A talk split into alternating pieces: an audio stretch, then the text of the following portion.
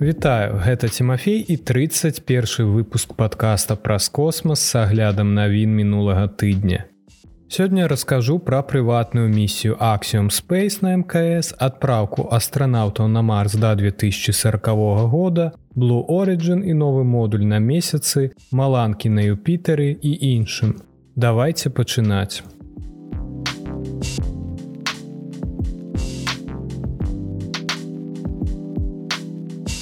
Экіпаж касмічнай станцыі цёпла сустрэў касманаўтаў AX2. Экіпаж другой прыватнай місіі Axiom Space на міжнародную касмічную станцыю прыбыў у арбітальную лабараторыю ў панядзелак 22 траўня і быў цёпла сустрэты цяперашнім экіпажам станцыі. Місія, вядомая як AX2 стартавала ў нядзелю ўвечары 21 траўня з камандзірам Пегі Уитсон, пілотам Джоном Шофнерам і спецыялістамі місіі Алі Алькарні і раяна Барнавы, якія з'яўляюцца членамі першага класу астранаўтаў Саудаўскай Аравіі. У панядзелак AX2 дагнаў МКС і прыстыкаваўся да порта модуля гармонія станцыі ў 1312 па Грынвічы. У 15:00 экіпажы адкрылі люкі паміж капсулай EX2 Крю Драган Фридам і МКС. І сем астранаўтаў экспедыцыі 69 правялі экіпаж EX2 на борт адбылася цырымонія сустрэчы экіпажа AX2 на якой з уступным словам выступіў камандзір станцыі роскосмоса Сергей прокопіў Ён павіншаваў астранаўтаў iX2 з прыбыццём і падзякаваў SpaceX за паспяховы запуск і пасадку ракеты Falалcon 9 астранаўтка раяна барнауы гэта першая жанчына саудаўскай аравіі якая даляцела да апошняй мяжы Так што цалкам слушна, што Барнауі ляціць Суіцэн, былой астранаўткай NASAа, якая правяла ў космасе больш часу, чым любы іншы амерыканец і любая іншая жанчына. Гэты лік складае 665 дзён да старту місіі AX2. Гэта другі палёт з экіпажам на МКС, які ажыццяўляе Axiom Space. Першы AX1 адправіў экіпаж чатырох чалавек на касмічную станцыю крыху больш чым на два тыдні ў красавіку 2022 года. Па словах барнауы астранаўты AX2 правядуць больш за 20 навуковых эксперыментаў падчас місіі, 14 з якіх узначальваюць навукоўцы саудаўскай аравіі. Гэтыя эксперыменты будуць вар'іравацца ад вывучэння патэнцыялу засева аблокаў, што можа мець жыццёва важнае значэнне для такіх рэгіёнаў як саудаўская аравія дзе пераважаюць пустыні да праверкі ўздзеяння касмічнага палёту на арганізм чалавека і даследаванні клетачнай біялогіі. Гэтая пазнейшая катэгорыя эксперыментаў будзе ўключаць вырошчванне ствалавых клетак. Экіпаж x2 таксама правядзе шэраг інфармацыйна-асветніцкіх мерапрыемстваў накіраваных на тое каб натхніць маладых людзей на зямлі Некаторыя з эксперыментаў будуць праводзіцца ў прамым эфіры, што дазволіць студэнтам на зямлі адначасова праводзіць тэсты, а потым параўноўваць свае вынікі з атрыманымі на МКС.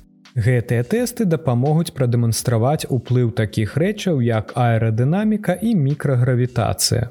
Барнауі таксама распавяла прэсе аб тым моманце, калі ёй стала зразумела важнасць і значэнне падарожжа ў космас. У мяне была магчымасць адправіцца з камандай ў экспедацыйнае падарожжа. Я памятаю, як аднойчы ноччу мы павінны былі прачнуцца крыху раней, каб паглядзець, як пролятае мкс, сказала барнауі. Это быў момант, калі я зразумела, чаму я тут.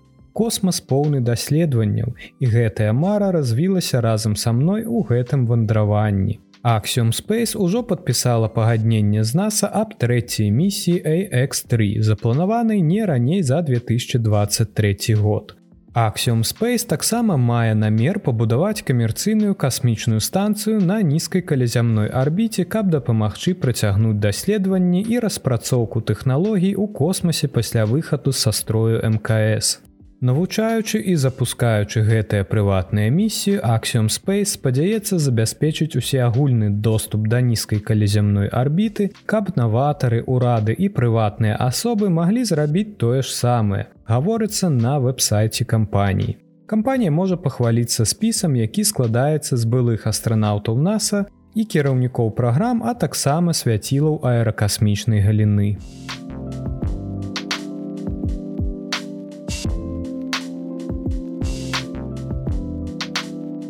Адпраўка астранаўтаў на Марс да 2040 года дзерзкая мэта, але NASA ўсё роўна будзе спрабаваць.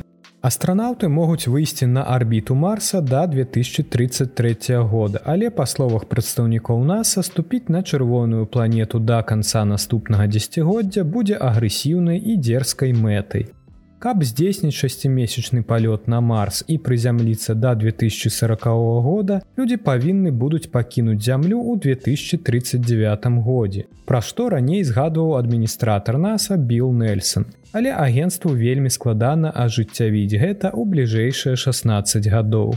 І я б сказаў, што гэта смелая мэта для нас, заявіў у сераду 17 траўня Джим Рэйтер, намеснік адміністратара ўправлення касмічных тэхналогій агенства на саміце чалавек на Марсе ў Вашынгтоне. Па-першае, дэсантная місія з экіпажам на Марс да 2040 года патрабуе ад людзей прысутнасці на месяцы. Першачарговай задачы NASA, якая павінна стаць прыступкай на Марс у пачатку 2030х гадоў.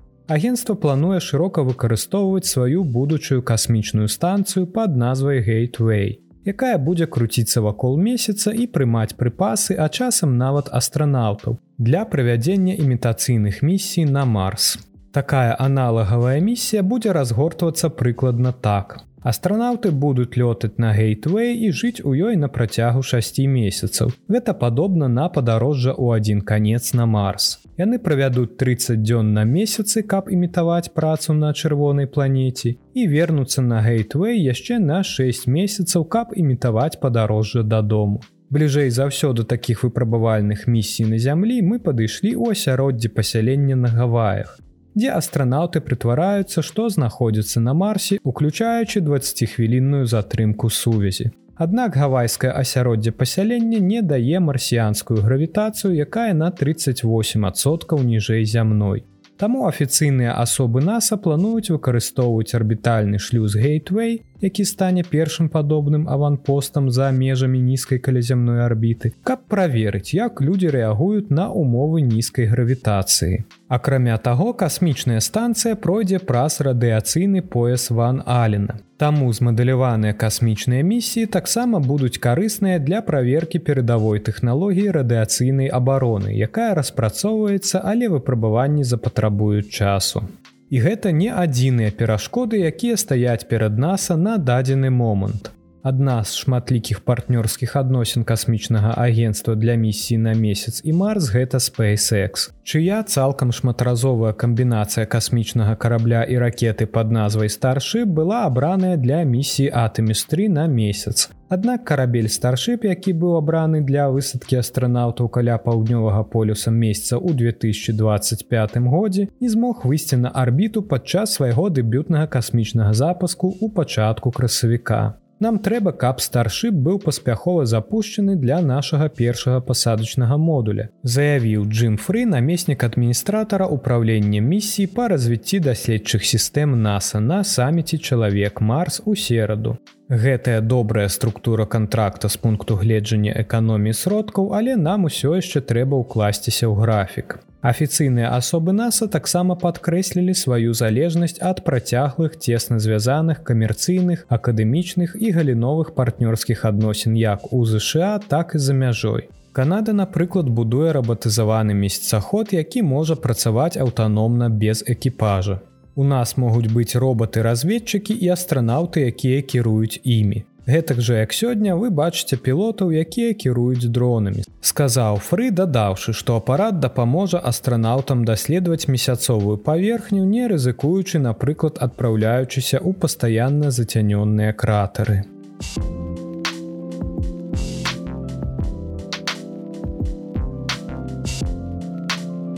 Blue Origin пабудуе новы месячны модуль NASAа для астранаўтаў місіі Атэміс.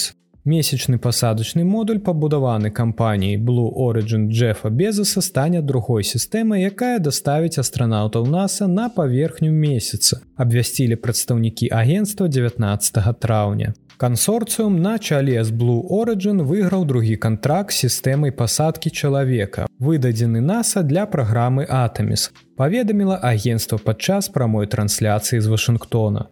У рамках прэміі у памеры 3,4 мільярда долараў Blue Origin прадставіць NASAа другі варыянт пасадкі астранаўтаў на месяц пасля касмічнага карабля SpaceX, які быў абраны ў 2021 годзе. Дадатковы іншы пасадачны модуль дапаможа гарантаваць, што ў нас ёсць абсталяванне, неабходнае для серыі пасадак для правядзення навуковых іх тэхналагічных распрацовак на паверхні месяца. Сказаў адміністратор NASAа Билл Нельсон падчас прэс-канферэнцыі. Прадстаўнікі Blue Origin заявілі, што пасадачны модуль пад назвай Blue Moon будзе гатовы да запланаванай пасадкі місіі Атэміс 5 у 2029 годзе пасля выпрабавальных запускаў і пасадак. Мы будзем тэставаць поўныя сістэмы пасадачных модуляў і поўную архітэктуру да таго, як астранаўты сядуць у апарат, а гэта будзе прыкладна за год да гэтага сказаў на той жа прэс-канферэнцыі Джон Кулурыс віцэ-прэзідэнт Blue Origin па месяцовых перавозках.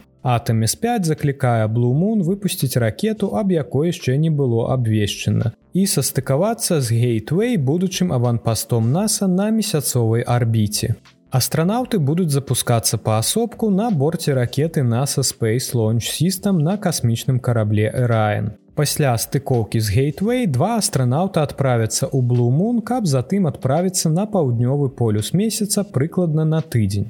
Адзначыўшы, што японская iSpace і ізраільская Space IL нядаўна не змаглі бяспечна пасадзіць свае рабатызаваныя прыватныя пасадачныя модулі на паверхню месяца. Кулурыс сказаў, што Blue Origin будзе абапірацца на сваю вялікую каманду для вывучэння гэтых пасадак, каб не паўтарыць памылкі зноў у місіі Атэміс 5. Чыноўнікі NASAа адмовіліся паведаміць на канферэнцыі, што зрабіла заяўку Blue Origin выйгрышным варыянтам, заявіўшы, што дакументацыя будзе апублікавана хуткім часам. Таргі па новым кантракце завяршыліся ў снежні.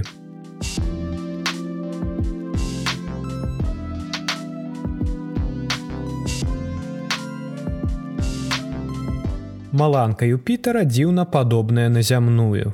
Новае даследаванне показала, што маланкі патрэскваюць і развіваюцца на Юпітары гэтак жа як і на зямлі. Юпітарскія маланкі, якія адбываюцца гэтак жа часта, як і на зямлі, былі ўпершыню выяўлены касмічным караблём NASA Voyager 1 больш за 40 гадоў таму.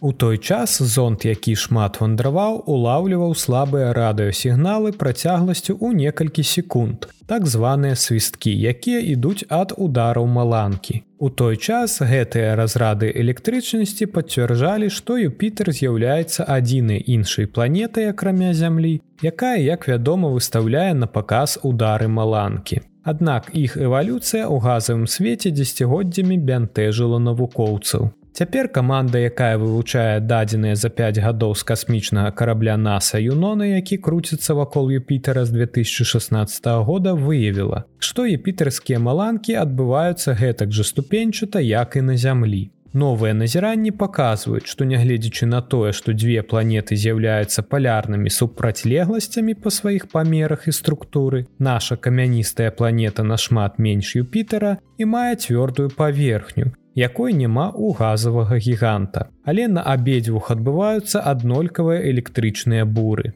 Хоць удары маланкі на зямлі здалёк выглядаюць як доўгія гладкія разрады, даследчыкі ведаюць, што кожная электрычная іскра насэмрач складаецца з асобных крокаў. Кожны крок выпускае ізаляваныя радыёвыпраменьванні, выяўленне якіх часта з'яўляецца адзіным спосабам зразумець, што адбываецца ў сярэдзіне навальнічных аблокаў.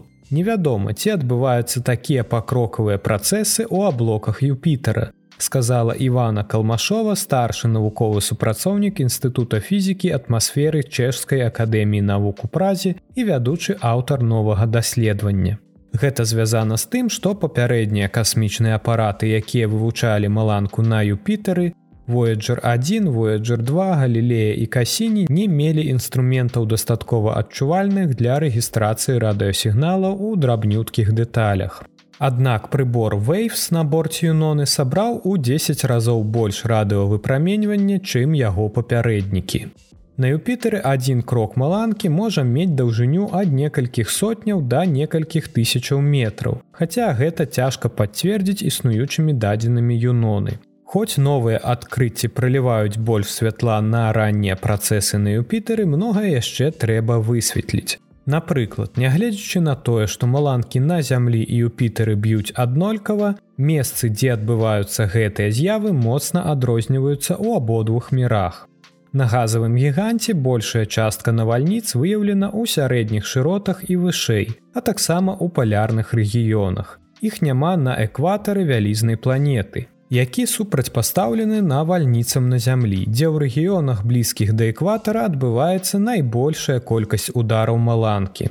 У нас амаль няма маланак паблізу палюсоў на зямлі. Гэта азначае, што умовы для фарміравання юпітарскіх і зямных навальнічных аблокаў верагодна вельмі розныя. Маланкі на Юпітары таксама размеркаваны нераўнамерна.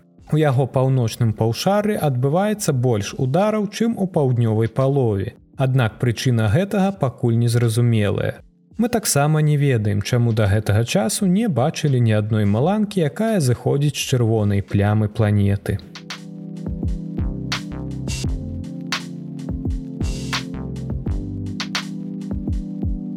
NASA выдзяляе 750 тысячаў долараў пераможцам Deep Space Food Challenge на прыгатаванне ежы для касманаўтаў пятніцу 19 траўня наса аб'явіла пераможцаў другога этапу конкурсу Deep Space Food Challenge ініцыятывы па распрацоўцы новай тэхналогіі вытворчасці прадуктаў харчавання які астранаўты маглі б выкарыстоўваць у працяглых падарожжах. Гэтыя метады таксама могуць дапамагчы вырашыць праблему адсутнасці харчовай бяспекі на зямлі NASA аб'явіла 8 каманд пераможцаў на мерапрыемстве ў пятніцу у тым ліку 5 ЗША і тры міжнародныя каманды выбраныя як NASA так і канадскім касмічным агенствам якія супрацоўнічаюць у вырашэнні гэтай задачы. У красавіку канадскае касмічнае агенцтва таксама аб'явіла чатыры каманды пераможцы другога этапу канадскага конкурсу які праводзіцца адначасова з ініцыятывай NASA Кожная з пяці каманд пераможцаў ЗША атрымала па 150 тысяч долараў прызавых. З васьмі каманд пераможцаў, абвешчаных у пятніцу, тры займаліся метадамі вытворчасці прадуктаў харчавання, дзве сістэмамі вырошчвання, а тры камбінаванымі або біакультурнымі сістэмамі. Разнастойнасць падыходаў здзівіла нават арганізатараў мерапрыемства. Сістэмы вырошчвання, якія перамаглі, выкарыстоўвалі розныя метады для захавання рэсурсаў і мінімізацыі адходаў. Інтастэла лаб каманда пераможца стварыла сістэму ўзаемазлучаных міні-асяроддзяў, якую яны завуць кваркамі. Шэсць верхніх кваркаў вырошчваюць расліны, а тры ніжных прызначаны для вырошчвання грыбоў або насякомых. Напрыклад, асяроддзе пасялення мух салдацікаў вырабляе не толькі ядомых і багатых кальцыем лічынак мух, але і вуглякіслы газ, які могуць выкарыстоўваць скрыні з раслінамі. Air Company каманда па вытворчасці прадуктаў харчавання з Брукліна таксама выкарыстоўвала адходы для стварэння сваёй прапановы. Іх прадукт выкарыстоўваў вуглякіслы газ, які выдыхаюць астранаўты. У спалучэнні з газападобным вадародам, які таксама выпрацоўваецца ў якасці пабочнага прадукту ў сістэмах жыццезабеспячэння. Затым яны могуць выкарыстоўваць іх для вытворчасці спірту, які яны скормліваюць дрожджам, таксама вырашчаным з мінімальнымі рэсурсамі ў космасе. Дрожджы з'елі гэты спірт і выгадавалі яшчэ больш дрожджаў, сказаў генеральны дырэктар Air Company. Некалькі каманд пераможцаў выкарыстоўвалі ў сваіх заяўках віды грыбоў, якія хутка і эфектыўна растуць пры абмежаваных рэсурсах. Каманда Кёрнел Дэлтэкс мысаканаверал распрацавала аўтаномны прыбор, які вырабляе грыбковую аснову, якая добра расце ва ўмовах нізкай гравітацыі і можа быць выкарыстана для прыгатавання самых розных прадуктаў. Пяць амерыканскіх каманд пяройдуць да трэцяга этапу конкурсу, дзе ў іх будзе шанс выйграць да палутара мільёнаў долараў у выглядзе прызоў ад NASAа. Тры міжнародныя каманды таксама запрошаны для пераходу да наступнага этапа конкурсу. У той час, як першы этап конкурсу быў засяроджаны на дызайне, а другі этап быў прысвечаны таму, ці могуць каманды на сэрмач гатаваць ежу, на трэцім этапе камандам давядзецца даказаць, што іх тэхналогіі могуць шматразова і надзейна вырабляць ежу. Нягледзячы на тое, што задача сканцэнтравана на вытворчасці прадуктаў харчавання для астранаўтаў, але тэхналогіі таксама павінны знайсці прымяненне на зямлі. напрыклад для аказання дапамогі пры стыхійных бедствах. Па дадзеных сусветнай харчовай праграмы Арганізацыі Аб'яднаных нацый ва ўсім свеце 828 мільёнаў чалавек не ўпэўненыя, адкуль яны атрымаюць ежу наступным разам.